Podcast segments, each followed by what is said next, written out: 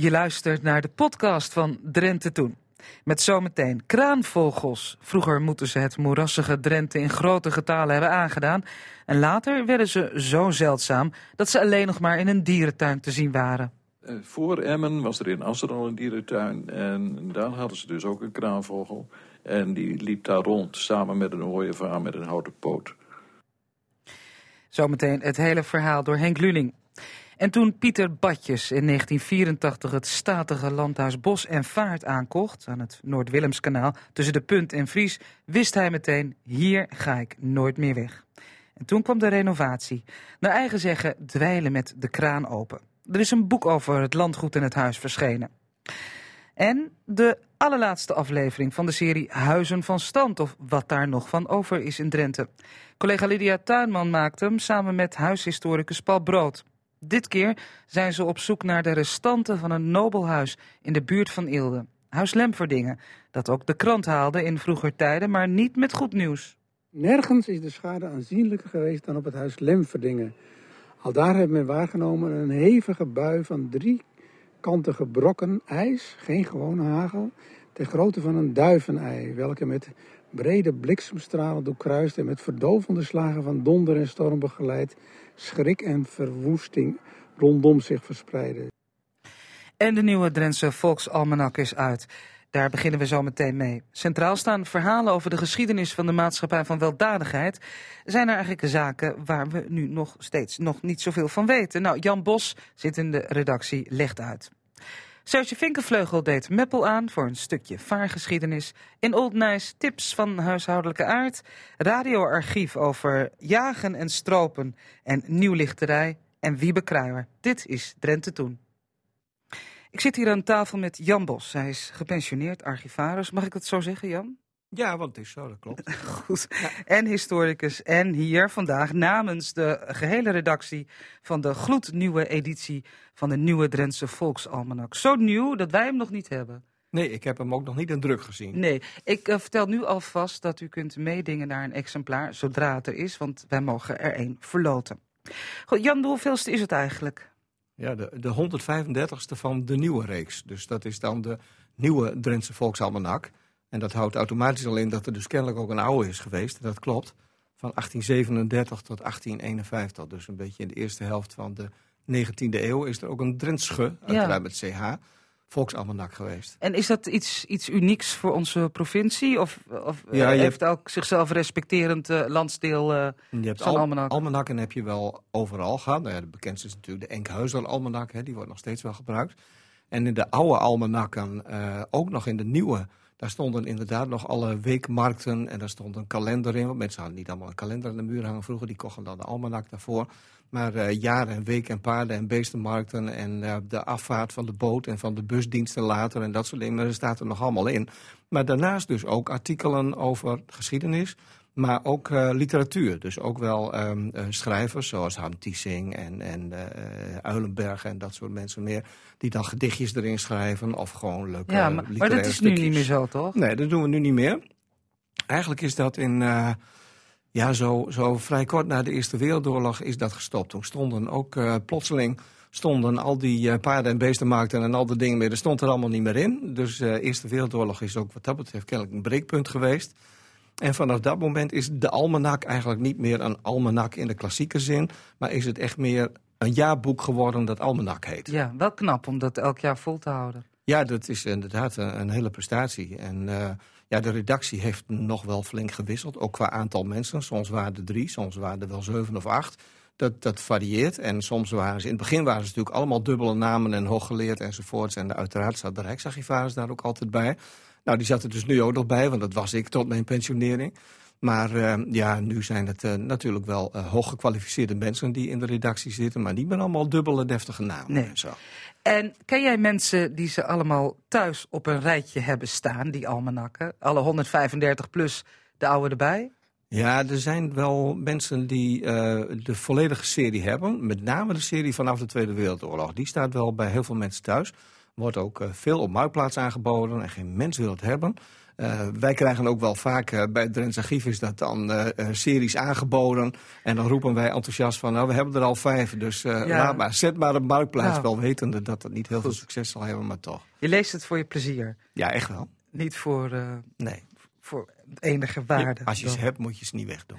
Nee, daarom. Goed, het is een themanummer geworden, uh, deze editie. En ja. Uh, ja, het hele jaar gaat het natuurlijk over de koloniën van weldadigheid. Ja, klopt. 200 jaar geleden, Johannes van den Bos.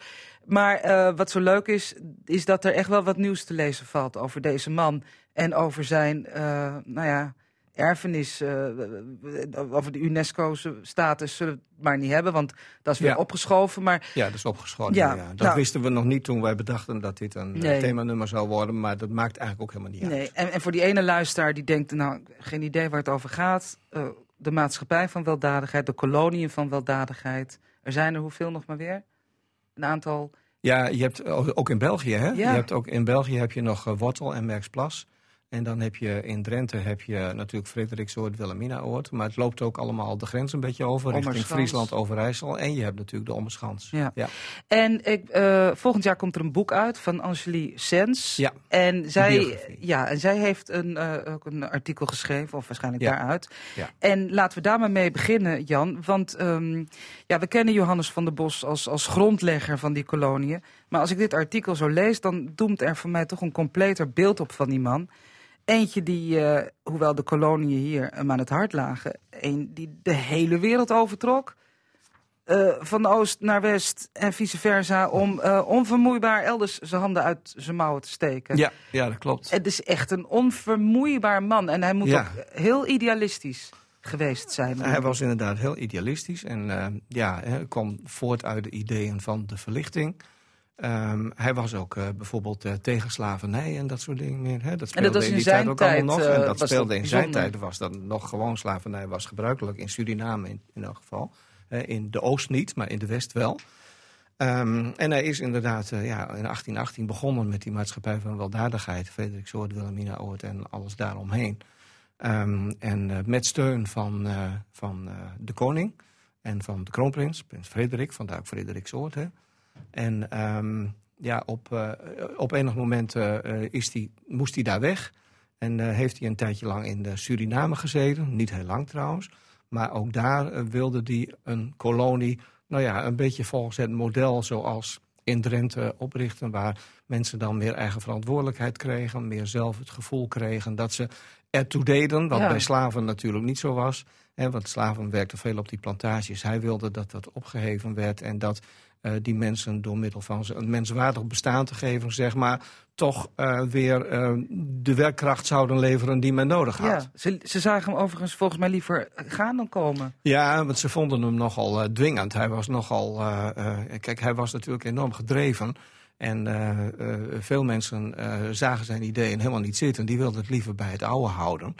En het, het, het grappige is daarvan dat hij later als conservatief bestempeld is. Terwijl die door conservatieven, zeker in het begin van zijn carrière, als veel te vooruitstrevend werd gezien. En dat is een grappige tegenstelling. Zou die dat bij leven ook uh, zo ervaren hebben? Kijk, nu lees je de krant over jezelf. Ja. Uh, ik, ik, noem maar wat. Uh, Jan Bos, slechte rijksarchivaris. Maak er een potje van. Je leest dat, je neemt dat tot je.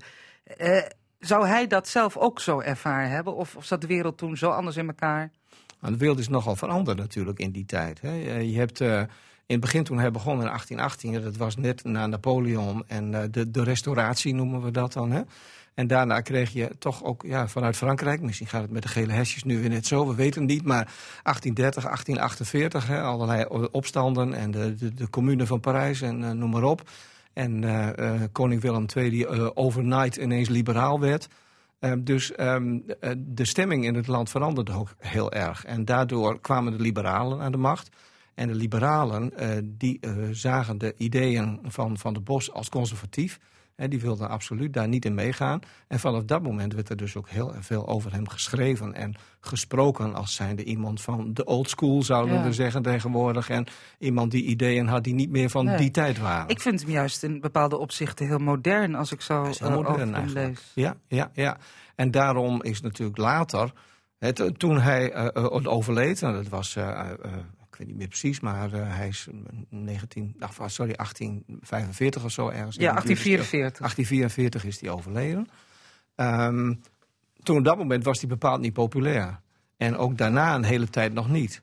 Alleen ehm, ja, sinds uh, men aan het zoeken is geweest van ja, God, waar komt nou die Nederlandse uh, welvaartsstaat en verzorgingsstaat en dat soort dingen, waar komt het allemaal vandaan? Toen kwam men uiteindelijk toch weer, voor een deeltje daarvan, ook bij deze van het Bos terug. En zeker in Drenthe natuurlijk, waar we uh, die koloniën als, uh, als voorbeeld hebben. Ja. Deels ook als afschrikwekkend voorbeeld als het over Veenhuizen gaat. Maar deels ook als goed ja. voorbeeld natuurlijk. Wat ik ook leuk vond uh, in dat artikel was, had ik eigenlijk helemaal niet zo bij stilgestaan... dat het voor Drenthe heel gunstig was dat ze hier kwamen. Ja. Dat wij er echt wel van geprofiteerd hebben. Ja, nou ja, zoals men tegenwoordig zou zeggen van er waren diverse toeleveringsbedrijven, zeg maar. Nou, dat was in dit geval dus ook zo. Ja. Eh, er moest een heleboel gebouwd worden en er moest eh, eten aangeleverd worden en dat soort dingen meer. Dus ja, eh, diverse mensen uit uh, de omgeving en in Drenthe en ook natuurlijk wel een beetje nog over de Friese en de Overijsselse grens, die profiteerden daarvan, want die mochten allemaal dingen leveren naar de maatschappij. Dit is Drenthe Toen en ik zit hier aan tafel met Jan Bos. Wij bespreken de nieuwe Drentse Volksalmanak. En zoals gezegd, Jan, het is eigenlijk een themanummer, maar wel met onderling heel diverse artikelen over uh, ja. de maatschappij van weldadigheid en de koloniën. Ja. Heel veel nieuwe dingen voor mij. Mm -hmm. Wat heb jij nu op dit moment voor je neus? Um, ja, ik had, uh, betrekkelijk willekeurig, maar ik had er nog even bijgepakt het uh, artikel De Indië-veteranen in 19e eeuws Veenhuizen van uh, Egbert Brink en Gerben de Vries. Um, dat is wel grappig, heel veel mensen realiseren dat niet. Maar um, in Indië werd best wel veel gevochten. Hè. Er werd ook steeds meer. In het begin was alleen Java en, en een beetje daarbij, dat was uh, uh, de Oost, zeg maar. Maar later kreeg Nederland wat meer imperialistische neigingen. En toen kreeg je bijvoorbeeld de Atje-oorlog van de bekende Van Heuts en dat soort dingen meer. En zelfs Van der Bos uh, die had al uh, ervoor gezorgd dat er een Nederlands-Indisch leger opgericht uh, werd. In, in 1830 al, toen hij in Indië kwam. Um, en um, ja, daar moesten natuurlijk wel mensen voor komen in dat leger. Nou, uh, deels waren dat buitenlanders. Dat is ook wel heel grappig om te weten. Heel veel Belgen en Fransen zaten in het Nederlands-Indisch leger. Een soort vreemdelingenlegioen. Ja, een soort vreemdelingen, ja, een vreemdelingenlegioen, maar dan in, in, in Indië. En op Nederlandse leest geschoeid en niet op Franse. Maar daarnaast uh, had men uh, het idee opgevat dat al die lui die in Veenhuizen zaten... dat er misschien ook wel hele interessante... En men zocht wel een beetje wat, uh, wat uh, roege types, zeg maar, wat rouwdouwers. En uh, nou, ja, die zaten er wel. Zonder vrouw en kinderen? Ja, zonder vrouw en kinderen, zonder al te veel binding met de maatschappij of wat dan ook. En ze kregen er lekker geld voor. In het begin kregen ze 200 gulden handgeld. Nou ja, je verdiende in die tijd misschien één of twee gulden in de week of zo. Dus dat was echt ontzettend veel. Moest je er wel vijf of zes jaar naartoe. Dat was dan wel even een puntje in de hitte. En daar hadden de meesten helemaal geen voorstelling van natuurlijk hoe dat daar was. Maar zo zijn er uh, nog wel aardig wat uh, Indië, ehm, mensen voor het Indisch leger geronseld vanuit de inrichtingen in Veenhuizen. Ja. En dat, dat blijkt dus uit dit artikel, dat is heel aardig. Het valt eigenlijk in twee stukken uiteen een soort verhaal van, oh, nou ja, hè, hoe zat dat precies? En ook later in de zin van dat heel veel mensen die dan uit Indië terugkwamen, dat die hier uh, niet met open armen ontvangen werden. Waarom niet? En uh, ja, omdat dat uh, ja, toch wat asociale figuren waren, zeg maar. Dat waren die bekende rouwdouwers, waar we het net over hadden. En die hadden meestal geen middelen van bestaan. Ze hadden ook geen gezin. Ze hadden, nou ja, losvaste baantjes misschien op zijn best, maar meer niet. En heel veel van die lui, die kwamen dus weer in Veenhuizen terecht. En uh, krijg je dus een soort van re recycling, ja. als het ware, zou je zeggen. In, in het begin werd er geronseld vanuit Veenhuizen voor het Nederlands-Indisch leger. Als ze daar om welke reden dan ook, soms ook oneervol ontslagen werden, kwamen ze weer in Nederland terug. En omdat ze dan op straat zwierven, uh, kwamen ze dan weer in Veenhuizen terug. Heeft ook wel iets, iets, iets uh, triest. Ja, heel triest. Ja. ja. heel triest. Het geeft ook wel natuurlijk een beeld van hoe die, de, de Nederlandse maatschappij toen in elkaar zat. Hè. Dat toen... Uh, uh, uh, onderstand en dat soort dingen meer.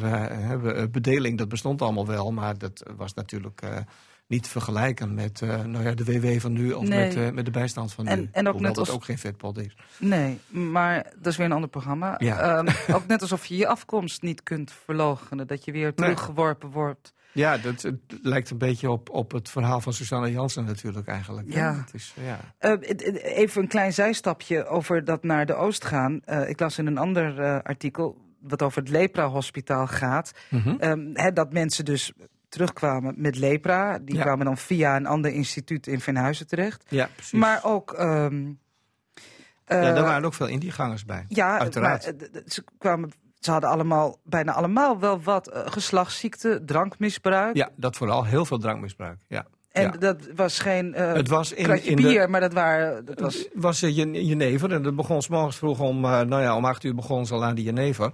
Op een bepaald moment eh, ehm, is in Indië verboden dat voor half tien Jenever gedronken mocht worden. Half tien, s morgens. Ja, Niet s'avonds, morgens.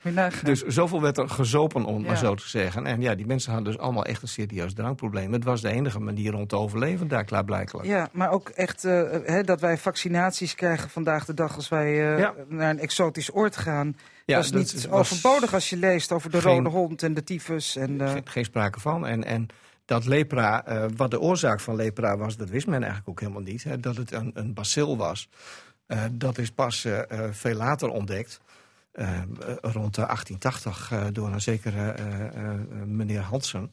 Maar dat wilde niet zeggen dat er toen ook al een, ehm, een geneesmiddel voor was. Dat kwam pas toen de antibiotica zeg maar, rond de Tweede Ja. Wereldoorlog beschikbaar kwam. Ja. En toen pas had men echt een behandeling. En daarvoor ja, was het een beetje pappen en nat houden. Dan hadden ze wel wat dingetjes die wel een beetje hielpen. Maar uiteindelijk stopte dat het proces niet. Nee, blijkt ook eh, dat hè, de, de behandelaars het ook moeizaam en frustrerend vonden. Ja, Overigens had dat lepra-hospitaal dan wel weer eh, de aanwezigheid van boeken. Ja. Er was wijn en sigaren. ja, ik. ja. Nou, dat was wel heel grappig. Want, ehm, of grappig, maar wel opvallend in elk geval. Dat in dat lepra-hospitaal hebben nooit heel veel mensen gezeten. Eh, maximaal een stuk of zes, zeven tegelijkertijd, geloof ik. En die zaten dan ook best wel eens lang. Soms ging wat beter, dan werden ze ontslagen. Maar meestal kwamen ze helaas ook weer terug. Maar die mensen werd een menswaardig verblijf daar geboden. Met andere woorden, eh, men probeerde een soort huiskamersetting te creëren. Inderdaad, met, eh, met boeken en met een beetje eh, gezelligheid, met sigaren en af en toe een borreltje. Want ja, Ja. misschien was dat ook wel goed tegen lepra, weet je veel. Dus, ehm wisten ze eigenlijk ook niet. Dus men, men probeerde die mensen daar inderdaad zo goed en zo aardig en zo vriendelijk, zo menswaardig mogelijk Ja. op te vangen. Ja. En dat was wel anders dan elders in Veenhuizen. Ja, want dit zijn dan de leprozen. Ja. Je had het over de, die, deze Indië-veteranen. Was dat een Ja. grote groep trouwens? Ja, dat was een hele grote groep. Dat zijn er echt, echt eh, eh, in totaal zijn dat er tienduizenden eh, zijn dat er geweest. Dus Ja. echt wel heel veel. En die gingen daarheen omdat ze ja, eh, hier eigenlijk geen middelen van bestaan hadden. En als ze daarheen gingen, konden ze 200 gulden en later zelfs 300 gulden Ja. eh, krijgen, zomaar. Ja, maar goed, ze kwamen weer terug in Venhuizen. Vertel je dus Uiteindelijk net. kwamen ze dus helaas weer terug, omdat velen eh, door drankmisbruik en dat soort dingen meer eh, oneervol ontslagen werden. En dan weer op het schip gezet werden. Na zoveel tijd weer in Nederland terugkwamen. En dan hier op, op, Ja. op, op straat zwierven. Ja, werden ze opgepakt en naar Veenhuizen gestuurd. Goh, hé, hey, cirkeltje rond, hè? Zeg, dit cirkeltje is ook bijna rond. Eh, tot slot, schiet jou iets in de kop als ik vraag... wat weten we nog meer niet wat in deze almanak staat? Of, eh, Ehm, ja, wat ook wel aardig is, dat is een, een eh, artikel van twee docenten aan de universiteit, Tassenaar en Paping. Die hebben onderzoek gedaan naar de verandering van de bevolking van de gemeenten Vledder en Norg toen daar eh, de koloniën, eh CQ, eh, de, de, de, de gevangenissen, de wezen gestichten, zeg maar, kwamen in Veenhuizen. En ook eh, ehm, eh, hoe dat ging met huwelijken, wie trouwden ze ook met elkaar, de autochtone bevolking en die nieuwe kolonisten, zeg maar. Gebeurde dat of niet, of waren ze heel strikt van elkaar gescheiden? Nou, dat is op zich ook een heel interessant verhaal, wel heel cijfermatig. Maar als je, dat als je dat goed leest, nee, gebeurde bijna niet. En, eh, maar daar zitten ook nog een heleboel onderzoeksvragen in. En daar blijkt dus ook wel uit, en dat is ook wel de functie van deze almanak, dat het ook weer nieuw onderzoek aan moet jagen om eh, andere mensen eh, op het pad te zetten van, goh, dat zou nog eens onderzocht moeten worden, dat zou nog eens onderzocht moeten worden, ja, enzovoort, enzovoort. jullie En, bereiden die van volgend jaar alvast... En dat, dat moet het ook bewerkstelligen, deze almanak. Nieuw onderzoek. Goed, huisvrouwen opgelet. Aldert Oosterhuis heeft tips voor u. Old Nijs. Als wij voor de rubriek Old Nijs door alle kranten strunt, dan kon je ook wel eens stukjes tegen die jij anno nu gerust aanmatigend noemen kunt, maar daarom eigenlijk ook wel weer grappig. Want wat lees ik in de Drijnse en Azerkraan van 18 januari 1936? Praktische wenken voor de huisvrouw. Alhoewel een huisvrouw niet tegen haar bezigheden op zal zien. Oh, hoe werkt dat? Is onnodig werken nooit prettig. Wij laten enkele wenken volgen welke wellicht praktisch nut kunnen hebben. En dan komt er een hele opsomming van huistuin- en keukenmiddelen, waarvan sommigen toch wel heel bijzonder zijn. Zoals deze. Neusbloedingen kunnen bestreden worden door handen en voeten in lauw water te houden. Hmm. Inktvlekken op hout gaan heel goed weg met een paar druppels zoutzuur die men even laat inwerken. Ja, ja toen had je gewoon zoutzuur op de plank staan natuurlijk.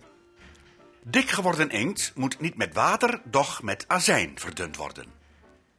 Oh, en deze had ik ook eerder moeten weten. De smaak van levertraan is te verbeteren door toevoeging van verse melk. Hmm. Badkuipen kan men reinigen door blank schuren met zout dat met azijn is bevochtigd. Naspoelen met heet zeepsop. Dat bent vast geen emaille badkuipen. Oh, en deze. IJzeren potten waarin spijzen zijn aangebrand, maakt men schoon door ze met een in as gedoopte lap te wrijven. Oh, en nu de periode dat je kamer misschien nog verlocht wordt door gas. Geen enkele kamervogel kan de lucht van gas verdragen. Men plaatst vogels in den winter dus in een kamer waar geen gaslicht is. Goed idee? Appels kan men het best bewaren door ze in vaten of kisten gevuld met zand te leggen, op zulke wijze dat geen enkele appel den anderen raakt. Een tip um, hoe om te gaan met nat bond. Nou, die sla ik over, want bond houdt niet meer. Nog staat er in diezelfde krant heel wat tips waar je allemaal met zout kunt doen. Zoals zout opgelost in ammonia, spiritus of brandewijn is geschikt om vetvlekken te verwijderen. Zout opgelost in water met een weinig citroenzuur kan dienen om inkt en roestvlekken, geen verouderde, te doen verdwijnen. Zout vermengd met azijn, Brussels zand en soda is een uitstekend middel om een vetfornuis of aanrecht of closet te reinigen en ook om blank ijzer en zink glanzend te maken. Zandzeep soda. Zout water, kokend op groen geworden tegels gegoten en deze stevig ermee afgeboend, zal ze, bij een herhaling van enkele keren, helder maken en van alle aanslag ontdoen. En tenslotte in mijn ook nog wel een hele nuttige wenk. Indien men wasgoed lang, bijvoorbeeld de winter, over moet bewaren, moet het goed gewassen en terdege droog, zonder het te stijven of te strijken, opgeborgen worden. Kijk, dat zijn handige tips. Ook voor man. Nou, het is dat altijd het zegt, anders had ik het gezegd. Radio Drenthe presenteert opnamen uit het archief. Ja, we gaan een klein eindje terug, de vorige eeuw in. Want ook in Drenthe sloeg de moderne tijd toe. Het waren allemaal nieuwigheden in de jaren 60. Een overzicht van deze nieuwe lichterij wordt ons gegeven door Hans Heiting, Hitjo D. Schut en Geesje Been uit het Rono-archief. Orlon, dralon en nylon. Niet strikken en niet stiem. Zeven soorten waspoeier. Wol. Zuivere wol en 100% wol. Verdielige aanbiedings en een cadeau. Is het duur? Is het goedkoop? Ja, is het wel zoveel makkelijker als op plaat die in de krant stiet? Vrouwlie met een drakke hand, die hebt het geldbultje gauw leeg. Niet elk heeft evenveel overleg. Maar hoe zal dat ook? Eén, twee jaar huishoudschool en dan handfabriek. Het is niet genoeg om een goede hoesvrouw te worden. Vulwichter kunt het van de moe niet leren. Die komt er zelf in om. Ja, en toch trouwt ze. Kinder. En door het duur van opvoeden en bijbrengen begon het weer van deze af aan. Opvoeden of opgruiden? Als udder en regel onbekend bent, als elk zin hef en snee stoet pakt op alle uren van de klok, en men altijd bij bakker, melkboer en slager in het boek stiet, dan hoeft er niet zoveel tegen te lopen of men komt hoe langer hoe wieder achterop. Die ongeregeldheid, die smeerboel, die eeuwige schulden, dat is alles wat de kinder met krijgt als ze voor zichzelf begint. Kinderen kunnen het niet helpen. En er moet nu wat aan doen worden. De historische stoombootkade in Meppel is weer een stuk completer. Beurtveer stoomschip de Vereniging 3 heeft een permanente lichtplek gekregen bij het historische zeilschip en het oude pakhuis. Sterk Meppel heeft zich in de gemeenteraad met succes hard gemaakt voor die lichtplek van de vereniging van Arco Woudenberg en Karin van der Leij. Onze Serge Vinkenvleugel voer met hun mee naar de nieuwe lichtplaats, alsof het ruim 150 jaar terug was. We varen op de vereniging 3 van Arco Woudenberg en Karin van der Leyen. Mag ik in de stuurhut komen? Komt er binnen. En we varen nu Meppel binnen. Dat is een type schip uh, die ze vroeger in Meppel ook uh, hadden. Van de Drentse stoombootmaatschappij uh, die gebruikte voor zijn diensten hetzelfde type schip, de beurtschepen. En daar voeren ze mee van Amsterdam naar Meppel. En wat ging er mee? Ze voeren inderdaad van Amsterdam naar Meppel uh, met een dag- en een nachtboot. Maar ze deden ook uh, uh, ritjes naar Assen, Dieverbrug, ook met de stoombeurtschepen. En ze voerden alle de, pakketten, kisten, zakken, maar ook mensen namen ze mee, passagiers naar Amsterdam. Dat was in een tijd dat we dus nog hele slechte wegen hadden. Er waren geen auto's, er waren geen vrachtwagens. Dit was de, een van de meest luxueuze manieren van reizen voor, voor passagiers. Dan had je acht uur gevaren en dan kwam je in Meppel aan. En daar zag je dit prachtige beeld. Dan was het eerste beeld dat je ziet is natuurlijk de sluis. En dan zie je de Meppeletoren. En je ziet de molen. En je ziet natuurlijk het prachtige pakhuis van Sucade. De plek waar vroeger ook dus die boten allemaal aanmeerden. Ja, dat klopt. Nou is dit de vereniging 3. Jullie wonen hier, maar jullie varen er ook mee. Ja. Waarom moesten jullie met alle geweld per se dit schip hebben? Nou, wij waren al een tijdje op zoek naar een schip. En um, ons oog viel op een historisch schip. Dat wilden we dan heel graag. En ons oog viel op dit schip. Omdat dit natuurlijk heel erg lijkt op de vroegere Meppeler 1. Het allereerste stoomvrachtschip die beurtvoer. Die beurtvoer in Meppel. En eigenlijk lijkt dit schip daar heel erg op. Want dit was ook een beurtschip? Dit is ook een beurtschip geweest, ja. En waar komt deze dan vandaan dan? Dit schip is gebouwd in 1902 in Arnhem. Dit type schip, omdat, zeker omdat ze onder stoom hebben gevaren, die hadden wat te lijden. En door hun dagelijkse dienst als beurtschip, weer of geen weer, ze gingen toch. Dus er kwamen flinke krachten op te staan. En door de, haast die ze hadden om op tijd te varen, werden de machines natuurlijk opgestookt tot het uiterste wat ze konden. Dus dat betekent veel slijtage. En uiteindelijk zijn hier weinig van overgebleven. In tegenstelling tot Chalken en Aken. Daar hebben we nog wel van. Dus het is niet alleen een historisch verantwoord schip, het is ook een van de laatste. Een van de weinigen, laten we het voorzichtig uitdrukken. nou liggen jullie natuurlijk al een tijdje in Meppel met het prachtige schip. Maar jullie hebben nu echt de ultieme lichtplaats. Ja, sinds vorige week is officieel dat de lichtplek bij Sucade een, een lichtplek is voor de Vereniging 3. En daar zijn we natuurlijk hartstikke blij mee, want zowel de, het pakhuis Sucade als um, ons, ons schip, de vereniging, ja, dat versterkt elkaar enorm. Dat is gewoon een prachtig plaatje. En als je dan de sluizen in komt varen of je loopt hè, die, kant Meppel in, dan zie je eigenlijk een beeld terug, uh, 100 jaar terug, terug in de tijd, historisch. En dat, uh, ja, dat is wat het beeld zo uniek maakt.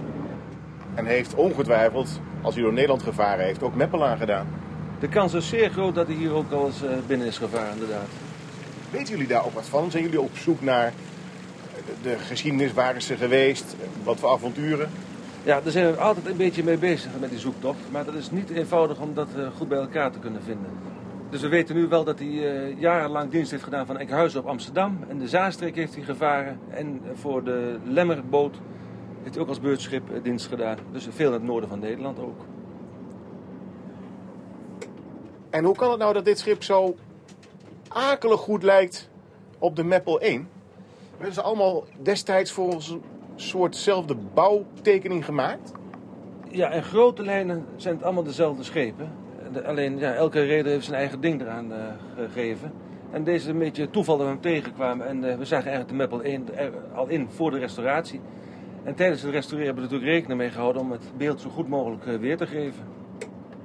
Ik kan me voorstellen dat jullie er op die prachtige historische plek liggen, aan de stoombootkade, op de plek waar vroeger ook mensen in en uitstapten op de veerboot. Dat mensen ook wel eens denken, hé, hey, we willen wel aan boord of mogen we misschien een stukje mee? Ja, dat klopt. Uh, we hebben, uh, nou ja, zeker met mooi weer, er komen er veel mensen langs en die blijven even staan voor een praatje. En die willen natuurlijk ook wel van alles weten over het schip en dat vinden wij heel leuk.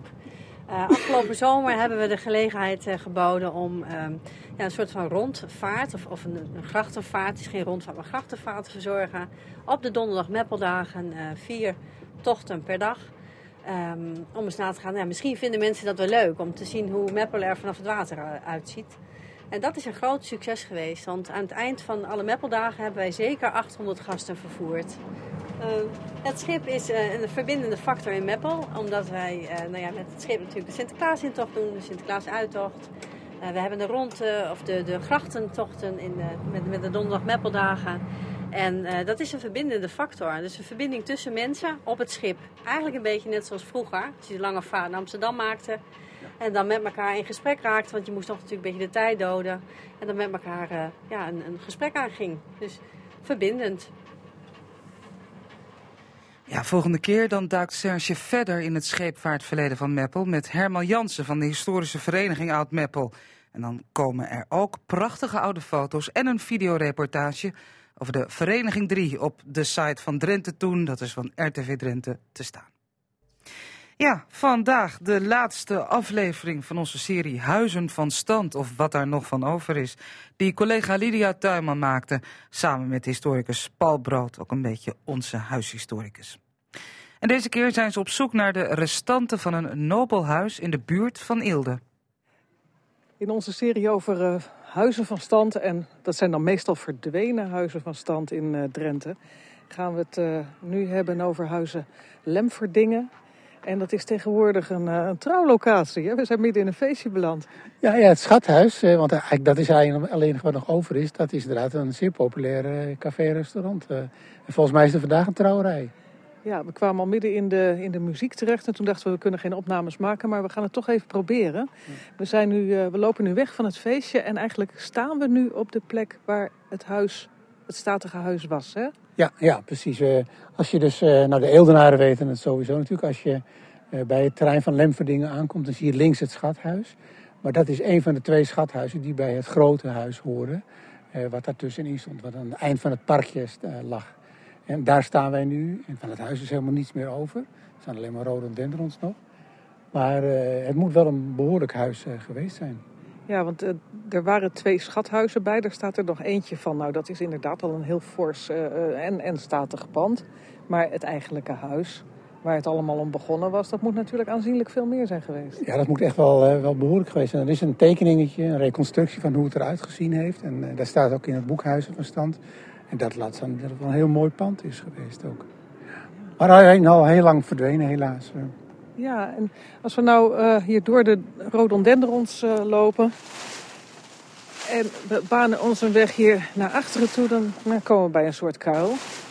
Dat moet haast in betere tijden een vijver zijn geweest. Ja, ik denk ook dat dit een vijver achter het huis is geweest. Ja, dat ziet er zo uh, groot uit. Echt een grote vijver ook. Uh. En wat is het verhaal van dit uh, ooit zo beroemde huis? Ja, dat heeft eigenlijk een redelijk kort hoogtepunt gehad, namelijk in de Franse tijd. Toen woonde hier generaal Dumonceau. Dat was een man uit het zuiden. En die was natuurlijk in de tijd van de Fransen, moest er natuurlijk wel eens strijd geleverd worden. En die had veel geld en heeft toen dit huis gekocht, zo rond 1800. Er werd al vrij vroeg gewacht gemaakt hè, van deze plek. Ja, ja dus heeft, uh, Lemverdingen was ouder, hebben andere families uh, gewoond. Uh, maar niet zo vreselijk lang. Eelderfamilies ook. Maar allemaal niet zo vreselijk lang. Maar eigenlijk rond zijn tijd hebben we wat verhalen. Want het, het, verhaal wil dat de zoon van Dumonceau, Jean-François... die hier natuurlijk ook gewoond heeft bij zijn ouders... opgeschreven heeft wat hij allemaal meemaakte... En dat krijg je een heel mooi beeld van hoe het in Eelde toe ging, hoe het op het huis toe ging. En bijvoorbeeld weten we dat in de tien jaar dat zij hier woonde, dat het die twee keer enorm gestormd heeft tot orkaankracht toe.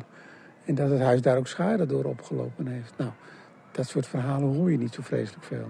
Nee, dat maakt het uh, dan weer heel levendig. Dat brengt het verleden heel erg uh, dichtbij. Hè? Ja. Die, die zoon, had hij een dagboek of zo? Ja, ja Jean-François hield een dagboek bij.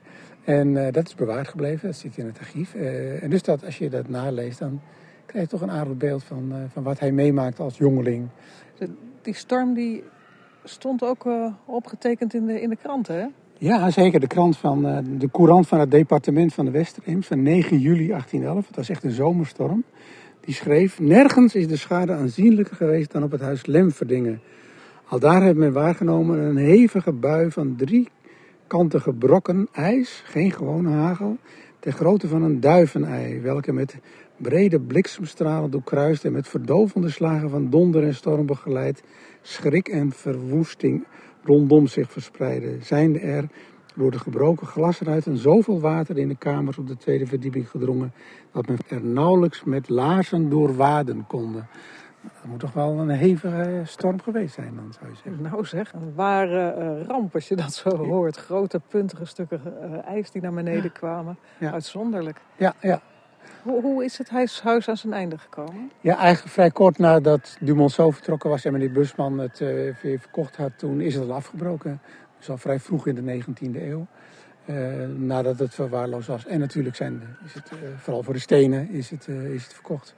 En, het, en ook het ene schathuis is afgebroken. En het enige wat over is gebleven is het schathuis wat er nu dus nog staat.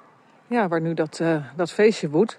En ja, eigenlijk de mooie omgeving daaromheen. Het, het statige park is deels ook bewaard gebleven. Hè? Dankzij het feit dat dit nu nog een, eh, gelegenheid is waar men uh, kan houden. Ja, ja zeker. En, en daarom zou het eigenlijk aardig zijn als nou, bijvoorbeeld de contouren van het huis en van het andere schathuis toch nog een beetje op misschien wat artistieke wijze dan gereconstrueerd zouden kunnen worden. Dan krijg je een veel mooier beeld van hoe het er in het verleden uitgezien heeft. Ja, krijg je toch een beetje meer gevoel voor die uh, historie van deze plek. Uh, ja, want nu zie je de hoge eiken uh, verrijzen op de plek waar het huis ooit heeft gestaan. En is je eerste indruk eigenlijk dat dat schathuis het, het voornaamste pand is geweest ooit? Ja, ja, precies. En dat ziet er ook heel mooi uit. En het is ook mooi dat het zo bewaard gebleven is. Maar als je de, de, historie recht wil doen, dan zou je toch ook nog iets van die twee andere huizen moeten laten zien. Ja, dat was voorlopig het laatste huis van stand dat ze aandeden. Paul Brood en Lydia Tuinman. Toch verbazingwekkend wat er zo allemaal aan pracht en praal inmiddels van de Drentse aardbodem is verdwenen. Wilt u meer lezen over de geschiedenis van Lemverdingen? Kijk dan eens op de website www.cultureleraadilde.nl. Daarop staat een uitgebreid en interessant verhaal over de bewoners van het landgoed. En als je er helemaal in wilt duiken in het door Nienke Domeni Verdenius geschreven boek Lemverdingen Schakel in de Tijd, wordt de geschiedenis beschreven van het landgoed Lemverdingen en haar bewoners. We gaan praten over bos en vaart. En dat doen we met Bertus Boivin, schrijver van een prachtig boek dat nog uit moet komen, geloof ik, Bertus? Ja. ja. En Pieter Badjes, eigenaar van Bos en Vaart. Welkom, ik mag uh, Bertus en Pieter zeggen. Um, en met Bertus duik ik maar meteen in de historie. Want uh, als het huis gebouwd wordt en de grond gekocht... dan zitten we in de tweede helft van de 19e eeuw. En ik lees in jouw boek dat het een gouden tijd was voor de middenstand in Groningen. die stad had een reputatie waar nou ja, in de verre omtrek geen andere stad aan kon tippen. En het is ook een gouden tijd om grond aan te kopen in Drenthe. Nou, leg ons die gouden tijd maar eens uit, Bertus. Ja, het, we hebben het over meneer Hermanus Inden. Dat was een, uh, een self-made man in Groningen. Hij begon een bondwinkel uh, bij de Grote Markt in de buurt. En hij deed erg goed. Hij had, uh, op een gegeven moment had hij zelfs pakhuizen, bondpakhuizen in Amsterdam. hij verdiende veel geld. In de hoorde bij een kleine club mensen, katholieke middenstanders waren dat. Het waren een aantal mensen die het heel goed deden. Een klein groepje mensen, je komt ze steeds weer bij elkaar tegen in de stad. En Inden verdiende veel geld en koos op een gegeven moment voor om een, om een buitenhuis te bouwen. Dus uh, niet, uh, niet om er naartoe te verhuizen, maar om gewoon in, in de zomer, een weekend, uh, weekend in de zomer. En dat deed hij aan het Noord-Willemskanaal. Het Noord-Willemskanaal was er toen net eigenlijk. We hebben het nu over, de, 19, over 1881, toen hij daar begon. En toen lag het uh, Noord-Willemskanaal een jaar of 20, 30. Het was een mooie plek om, uh, om je huis... Uh, je woonde... Het was, je moet je voorstellen, het was een heidevlakte waar een kanaal door lag. Ja. Dus hij, die grond was redelijk goedkoop. En hij liet daar een, voor die tijd, groot huis ja. bouwen. Veel vermogende Groningers, die, die zochten het niet zo ver over de... Nee, de, de veel... De, de, toch in de buurt, je hebt heel veel mensen die aan de Herenweg gingen wonen en zo. De, en, uh, maar je hebt ook het huis Heideheim, ligt, uh, ligt dichter bij Assen, ook aan het Noord-Willemskanaal. Zo'n ja. landhuis door Groningers gebouwd. Ja. Dus Inden bouwde daar, kocht daar grond en bouwde in 1881 een huis. En dat noemde hij Villa Anna. Want zijn, zijn dochter heette Anna en die heeft uh, de eerste steen gelegd. Ze zit nog steeds in het, uh, in het voorportaal van het huis. Kun je nog steeds de eerste steen van Anna Inden vinden. En Inden heeft daar een jaar of, uh, al met al een jaar of dertig gewoond. Ja. En daarna, het is verkocht, het is in meerdere handen geweest. Ik ga even met zeven mijls lazen door de tijd. In 1907 bijvoorbeeld. Voor 20.000 gulden aan, aan ene Dieters. En Ja. ik, ik stop even bij Dieters, omdat dat ook wel een mooi verhaal is, hè? Of ja, mooi, eh, Het is, het is, een, het is wel een, eh, de meest dramatische bewoner van het huis, denk ik. eh, Pieter, Ja. hè. Het is een... eh, Dieters was een, ook een self-made man. Dieters had een, eh, was getrouwd met een rijke boerendochter. Hij was tramconducteur. eh, trouwde een, eh, een rijke boeren, eh, we- burenweduwe, moet ik zeggen. En eh, hij ging in zaken. Hij kocht een steenfabriek in Muntendam. Daar verdiende hij geld mee. En later ging hij het onroerend goed in. Hij woonde op een gegeven moment aan de Emmersingel in Groningen. Had een klein huis, liet hij bouwen in de buurt van Bos en Vaart. En eh, op een gegeven moment kocht hij Bos en Vaart. Hij ging ook de politiek in. Hij schopte tot gedeputeerde van Groningen. En eh, hij kocht Bos en Vaart in, eh, in, in 1809. 1909. Eh, sorry, in 1909, maar eh, snel daarna ging het fout. Hij had eh, bij het aankoop van zijn, van, zijn, van zijn grond, van zijn bezittingen, had hij zich diep in de schulden gestoken. En op een gegeven moment kon hij, kon hij niet meer aan zijn verplichtingen voldoen. Hij werd failliet verklaard. En wat nog erger was, hij werd zelfs veroordeeld wegens valsheid in geschriften. Want hij had, om, om die leningen te kunnen, kunnen regelen, had hij allerlei dingen... Had verkeerde aandelen uitgegeven. Hij was ook nog voortvluchtig op een hij zeker was moment, voortvluchtig, toch? is gearresteerd Ja. op het station te Bussum en weer teruggevoerd naar Groningen. Dus eh, toen was het afgelopen met toen hij was failliet verklaard en toen is Bos en Vaart verkocht. Ja. Eh, Even tussendoor, Pieter Badjes, ken jij je voorgangers inmiddels goed? Nou, leven op papier. Ja, Dus, eh, natuurlijk, maar- Ja, en de mensen, families te vast, die er lange tijd gewoond hebben. De dochter heb ik een, tot haar dood een heel goed contact mee Ja. gehad. Hebben wij ook veel dingen van het huis van gekregen. Oh ja, dat is, eh, dat is mooi. En, en, en ook dat we, we slaan nu een paar andere bewoners over, maar de familie staat vast. Dat vond ik eh, ook een, wel een aangrijpende periode in de geschiedenis van Klopt. Bos en Vaart. Omdat misschien hun mooiste jaren daar plaatsvonden, maar ook hun lelijkste en De verdrietigste. jaren. Ja, Ja. klopt. En beide jongens zijn om het leven gekomen in de oorlog. Twee En- zoons uit het gezin. Ja, klopt. En eh, dat is natuurlijk eh, dramatisch geweest. Dat is voor hun eh, een omslag geweest dat, dat de fleur van het leven weg was. Ja, ja. En daarvoor, om dan even terug te grijpen op die, die, die gelukkiger tijd, de jaren dertig. Dat, dat moet een mooie tijd geweest zijn. Het hele gezin staat vast, woonde daar. Eh, op die foto's die er van hun zijn te zien, zien ze er ook gelukkig uit. Ja, het was een, een bijzondere familie. Eh, Stavas kwam, eh, kwam uit, eh, uit eh, Veendam, meen ik, geloof ik. Hè? Daar- nee, En in Oude geval- Pekela. Oude Pekela. En hij, hij was de eerste van de gezin die, die mocht studeren. Hij werd boekhouder. Hij ging in dienst van de Bataafse petroleummaatschappij naar Roemenië. eh, Wat toen een belangrijk oliegebied was. Daar heeft hij een, eh, jaar of 15 gewerkt. En eh, goed salaris verdiend. De kinderen werden toen ouder. En toen hebben ze besloten terug te gaan naar Nederland. En kennelijk had hij zoveel geld verdiend dat hij ervan kon leven. Dus ze hebben toen Bos en Vaart gekocht. Ja. En, eh, en zijn daar begonnen.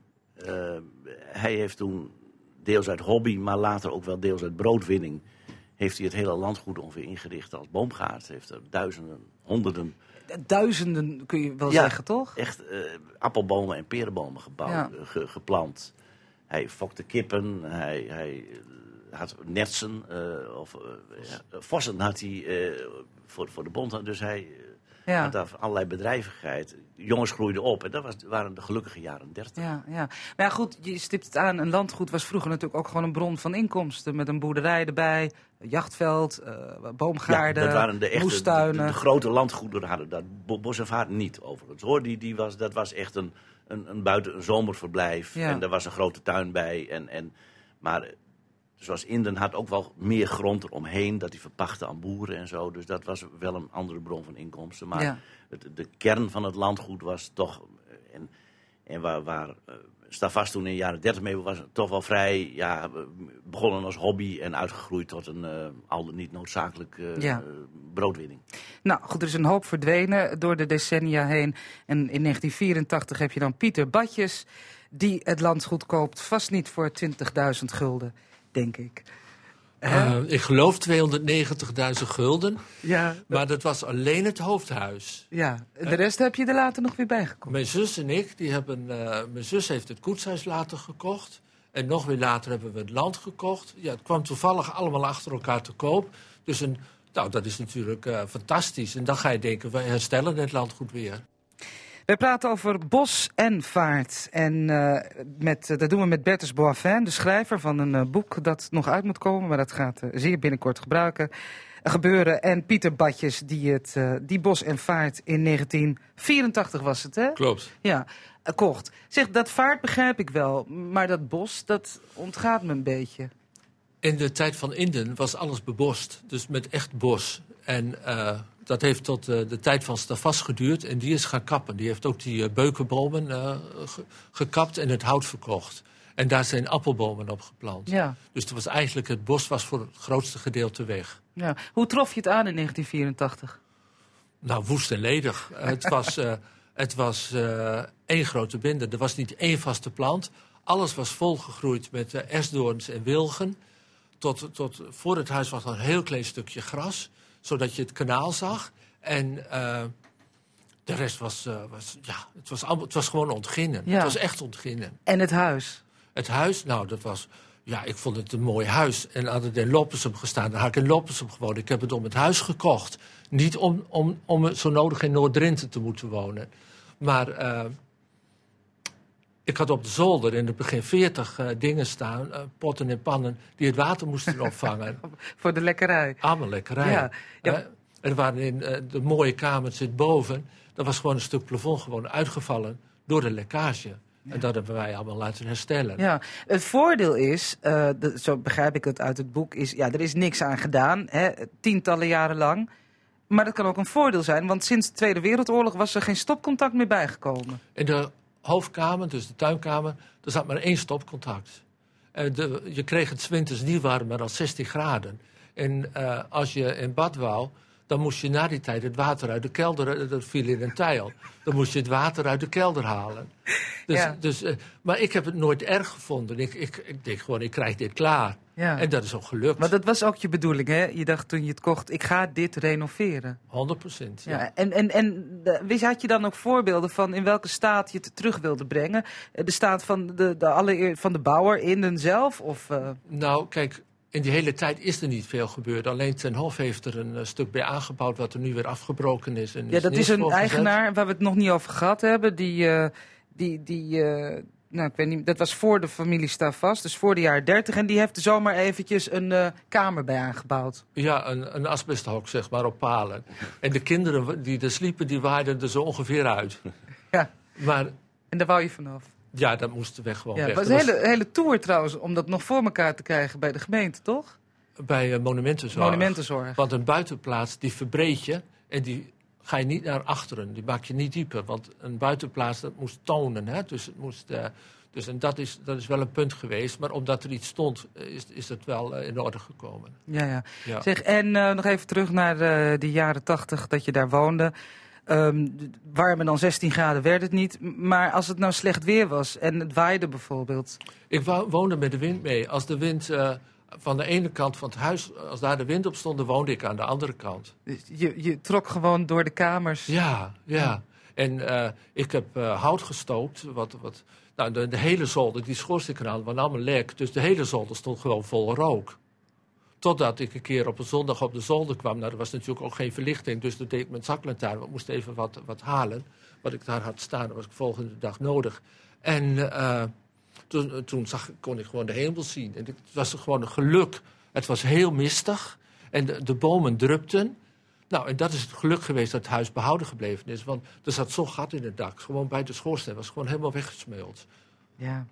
Je hebt al gezegd wat je ervoor betaald hebt, bijna drie ton. Ja. Destijds, 1984. Dat was toen heel veel geld, nou, hoor. nou, dat is, nog, dat, is, dat is heel veel geld. Ja, toch guldens? Ja, maar ehm, ik kan me voorstellen dat je er inmiddels voor miljoenen, eh, hè, als je het uit zou rekenen in tijd en materialen. Ik heb niks bijgehouden.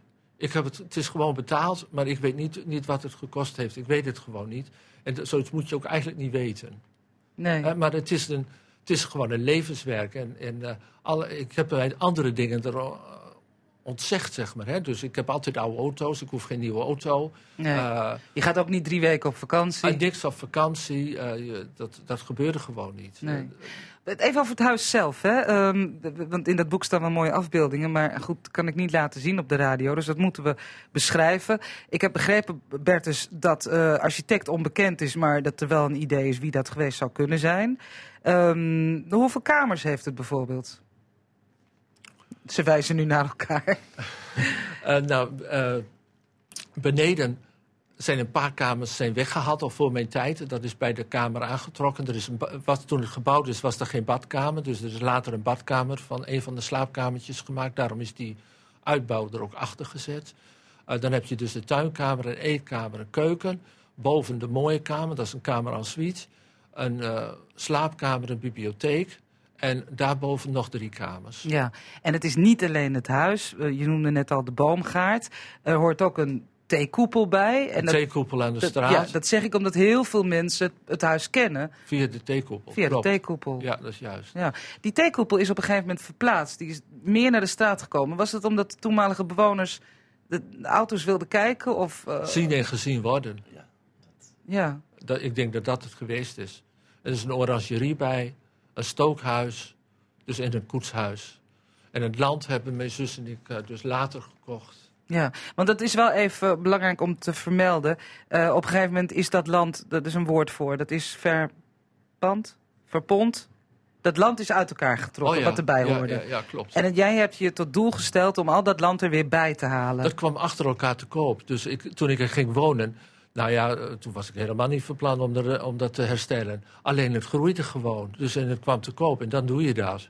En dan denk je, hé, hey, dit, kan, eh, dit kan weer een landgoed eh, zo het geweest is worden. En dat, Ja. dat hebben wij dus eh, gedaan. Ja. Inmiddels zit het weer op dezelfde, ongeveer dezelfde omvang als het, het eigenlijke landgoed in de indentijd had. Ja. Een, een hectare of 16. Wat je hebt toegevoegd aan het landgoed, want ik meen, dat lees ik in ieder geval niet, dat dat niet eerder gebeurd is, is een, een particuliere begraafplaats. Klopt. Ja, ik had zoiets van. eh, eh, wij hebben onze schouders eronder gezet en ik, ik wil er ook heel graag begraven worden. Je wil er gewoon niet weg. Ik wil er helemaal niet weg. Nooit. Nee. Dit leven niet. Nee. Nee. Nee, nee, nee. Ik hoop het tot mijn dood ook er te wonen. En, en maar goed, zo'n begraafplaats, dat, wij mogen dat niet. Hoe heb je dat gedaan? Toestemming gevraagd? Ehm, wij hebben het park eh, openbaar gemaakt. Dus we, we hebben eigenlijk een ruil gedaan. dus gewoon gezegd, nou, wij, ik wil dat ervoor terug. En eh, dat, is, eh, dat, is, eh, dat is toegekend. Ja, ja. Bertus, zou jij er wel willen wonen, Bos en Vaart? Nee. Hoef ik niet over na te denken. Nee, ik, ik ben geen mens voor, eh, de, voor buiten te wonen. Ik ben echt een stadsmens. Ik, Ja. eh, Ja.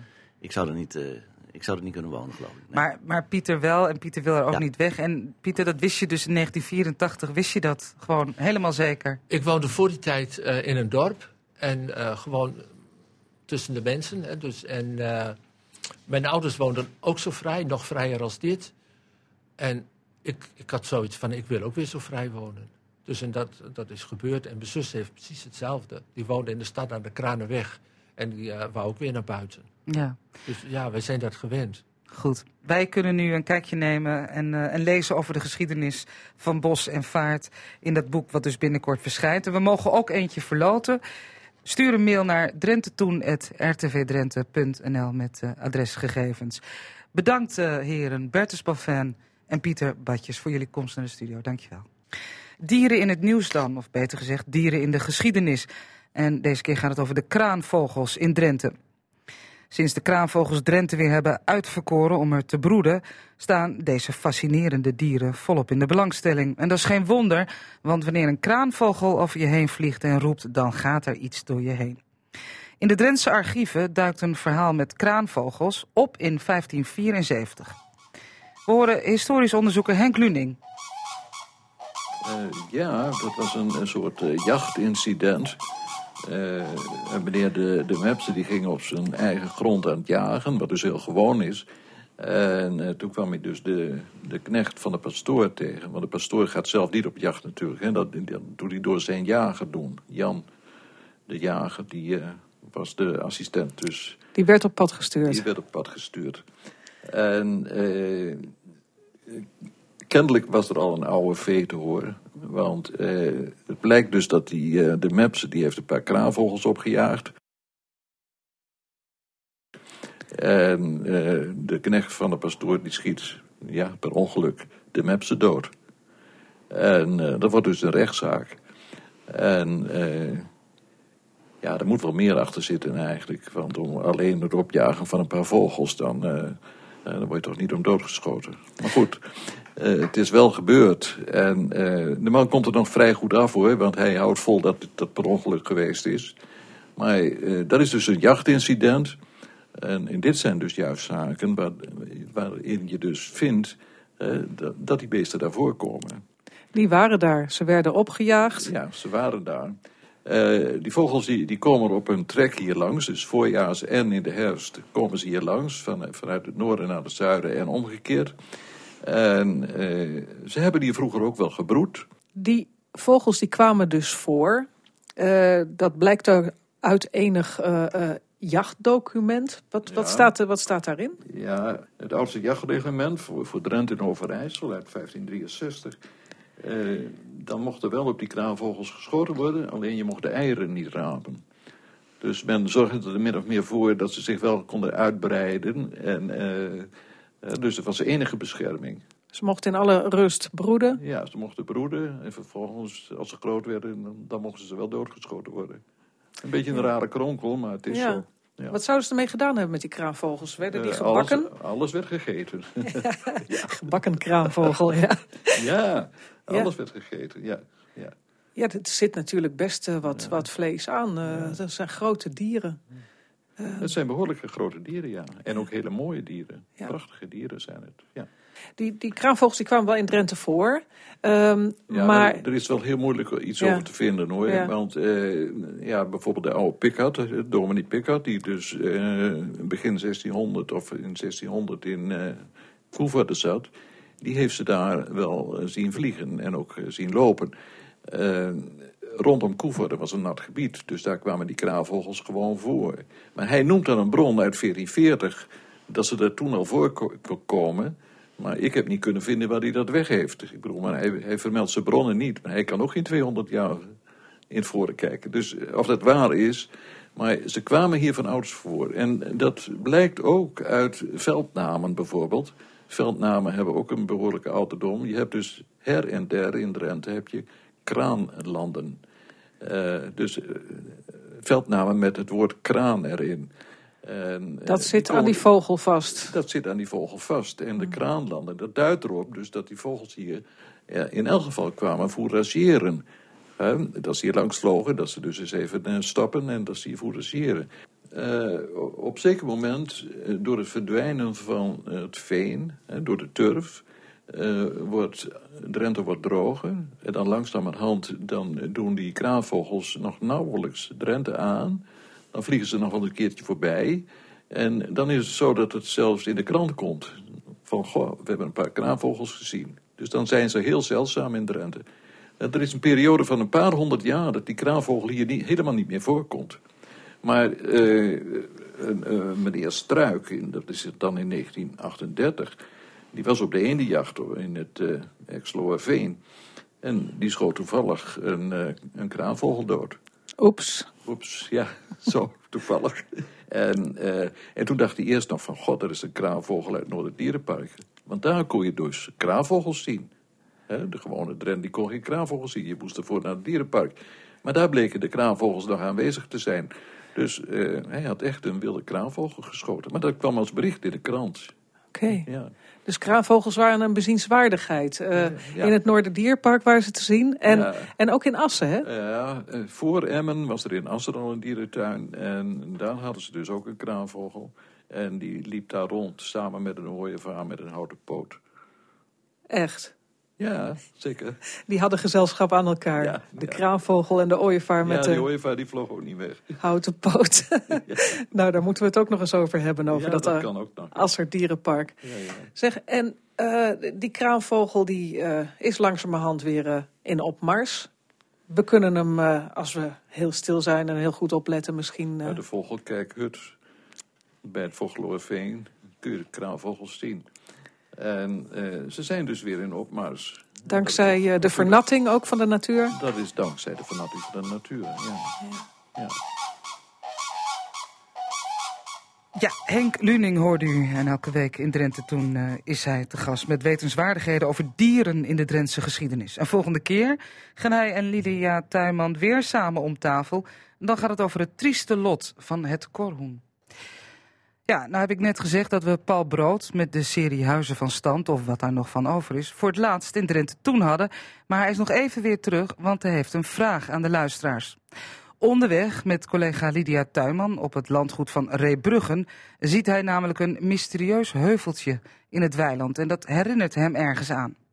Er is een, uh, een uh, plek hier vlakbij Reebruggen. Dat, is een, dat heet het Borgin. En uh, dat is een oude, wat noemen ze een oude motte, dus een, een, verhoging in het land, waar een versterkte woonplaats op gestaan heeft. Daar is nauwelijks iets meer van te zien.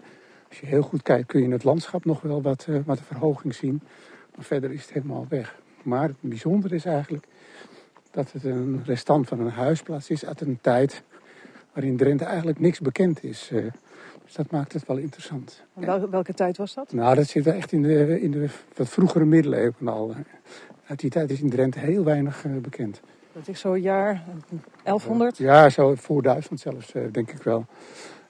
Vandaar ook dat er ook nauwelijks meer iets van bekend is, omdat er toen ook niks opgeschreven werd natuurlijk. En die huisplaats, dat is dus een soort plek, verhoogde plek waar uh, een, een, gebouw gestaan heeft? Ja, ja precies. Dat, is, er is wel gegraven in de grond en daar is wel het een en ander gevonden. En bijzonder is, er is ook nog een Drents lied aangeweid aan, die, aan dat borging. En uh, ik, ben ik weet eigenlijk nog maar twee regels van dat gedicht, van dat liedje. Dus ik ben eigenlijk wel benieuwd of, of, dat, of, mensen, of dat in het Drents besef nog leeft. Het lied van de Reebrochens Borgt. Het, de eerste twee regels zijn... Reebrochens Borgt is afgebrand. Drie kinderen dweelden um door het land. En dan gaat het nog veel verder. Maar ik ben die, uh, ik ben die regels vergeten. En, uh, Klinkt als een mooi, uh, mooi drama. Ja, ja, dus ben ik wel benieuwd. Weten de Drenthe dat nou nog? Kijk, op die hoogte daar, zo, daar heeft dat gelegen. Oh ja, je kan hier inderdaad in het landschap een soort helling ontdekken. Ja. In, midden in de weilanden ligt een soort terpachtig uh, geheel. Ja. Dat moet je echt weten. Ja, dat moet je weten. En archeologen weten dat. En dat ziet een beetje als een soort wierde uit. Hè? Zoals je op het Groningen land hebt. Zo ligt dat, dat past hier eigenlijk helemaal niet. Uh, daarom is het wel bijzonder. En dat, het restante, dat er nog een restant van te zien is. En jouw oproep is dan nu, uh, wie kent de rest van het lied? Dus zeg de regels nog eens. Reebrochens borg, het is al verbrand. Drie kinderen dweelden hem door het land. Och, hey. Ja, mooi hè? Ja. Wist niet dat Paul Brood ook zo mooi Drents, in het Drents kon declameren. Maar wie weet de rest van dit ruimpje? Schrijf ons via drentetoen.rtvdrenthe.nl of reageer op onze Facebookpagina. Wij zijn benieuwd. Radio Drenthe presenteert opnamen uit het archief.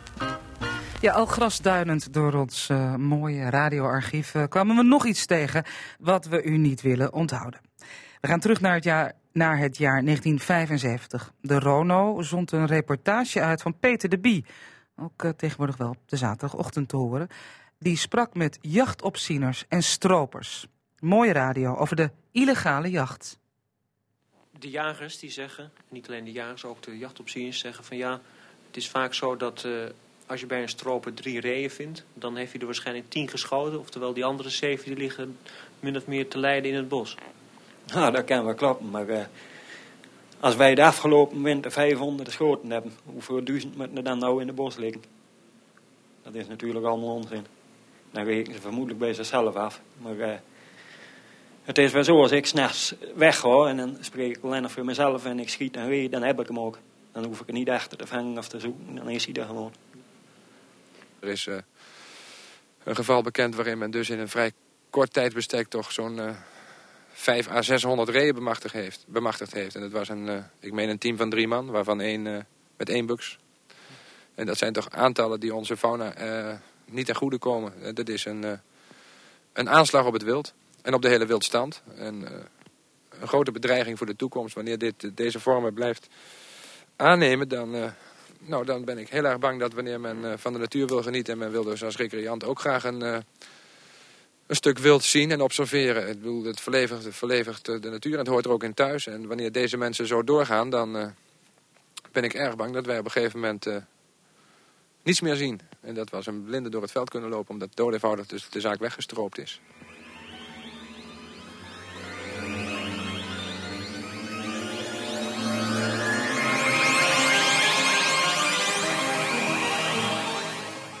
Ik heb wel eens eh, achter stropers aangezeten. Dan was het daar een Wild West. Eh, ik heb zelfs eenmaal bij een stroper voor op de auto gezeten. Eh, ik gaf deze man een stopteken en die reed zo op me in. de enige kans was voor mij om deze mensen te krijgen om voor op de motorkap te springen. Maar ze namen een scherpe bocht en je hebt niet veel hou vast op zijn motorkap, dus ik viel eraf. Toen moest ik terug naar mijn eigen wagen.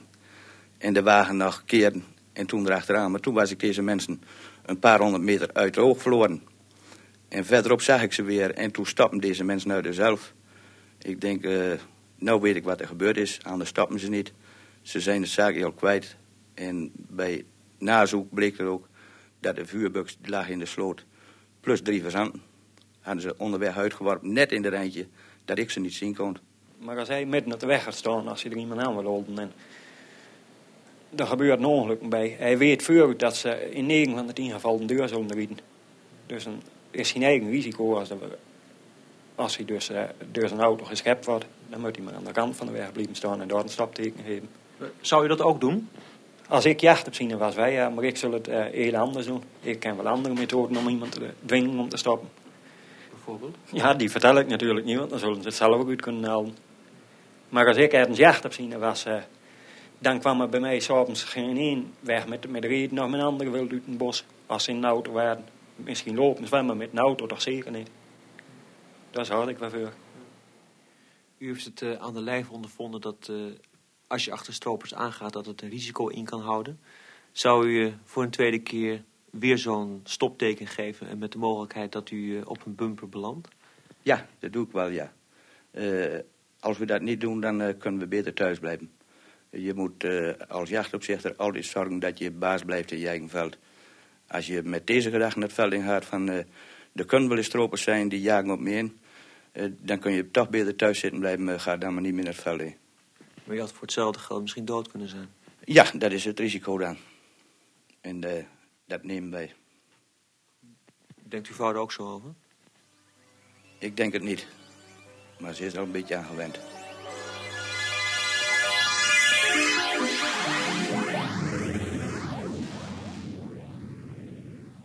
Uh, als ze gepakt worden. En nou ja, ze moeten na 14 dagen zitten, dan lachen ze maar om. Die straf is feus te licht van hen. Dat zeggen ze ook? Ja, ja.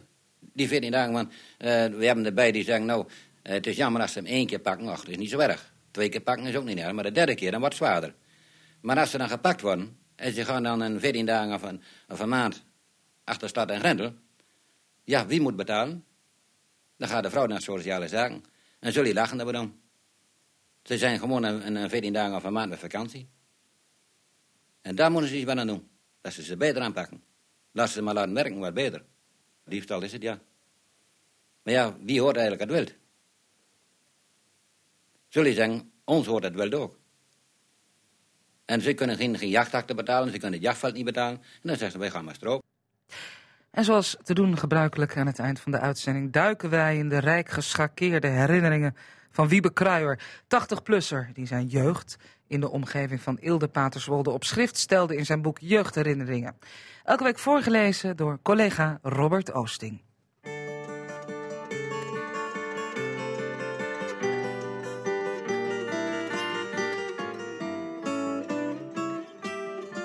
Mijn eerste schooljaren ging ik bij mijn broer achter op de fiets naar school. De winter van 1939-1940 was langdurig en zeer streng. Als de wegen door sneeuw en ijs onbegaanbaar waren, dan gingen we lopen naar school. Ook dat viel echter niet mee, want de afstand was een kleine 6 kilometer. En om zo'n afstand op klompen over de gladde wegen zonder te vallen af te leggen, is nog een hele kunst. Bij lichte dooi en sneeuw plakte de sneeuw onder je klompen vast en was het lopen soms vrijwel onmogelijk door de ijsklonten die zich onder de klompen vormden. Ook als de fiets stuk was, moest er naar school worden gelopen. Ik was, zoals eerder opgemerkt, een slechte eter. En had daardoor mijn postuur en conditie niet mee. Ik was iel en mager en had in tegenstelling tot Willem geen vetlaagje die ik tegen de kou in kon zetten. Een van de buren, Bette Zwaving, merkte daar later eens over op dat hij op een vinnige vrieskoude morgen, toen hij mij bij Willem achter op de fiets naar school zag vertrekken, tegen zijn vrouw had gezegd: Die zien we vast niet levend terug. Achteraf kan worden vastgesteld dat deze voorspelling niet is uitgekomen. Ik was destijds trouwens ook beslist niet ziekelijk, ik at alleen slecht. Voor tussen de middag kregen Willem en ik elk vier dikke boterhammen mee naar school, besmeerd met boter en belegd met kaas. Nu kan ik alvast vertellen dat ik smiddags bij het uitpakken van de boterhammen beslist niet met begeerige blikken naar mijn lunch keek of daar gretig aan begon. Met moeite kreeg ik er twee plakken door en de rest at Willem met graagte op.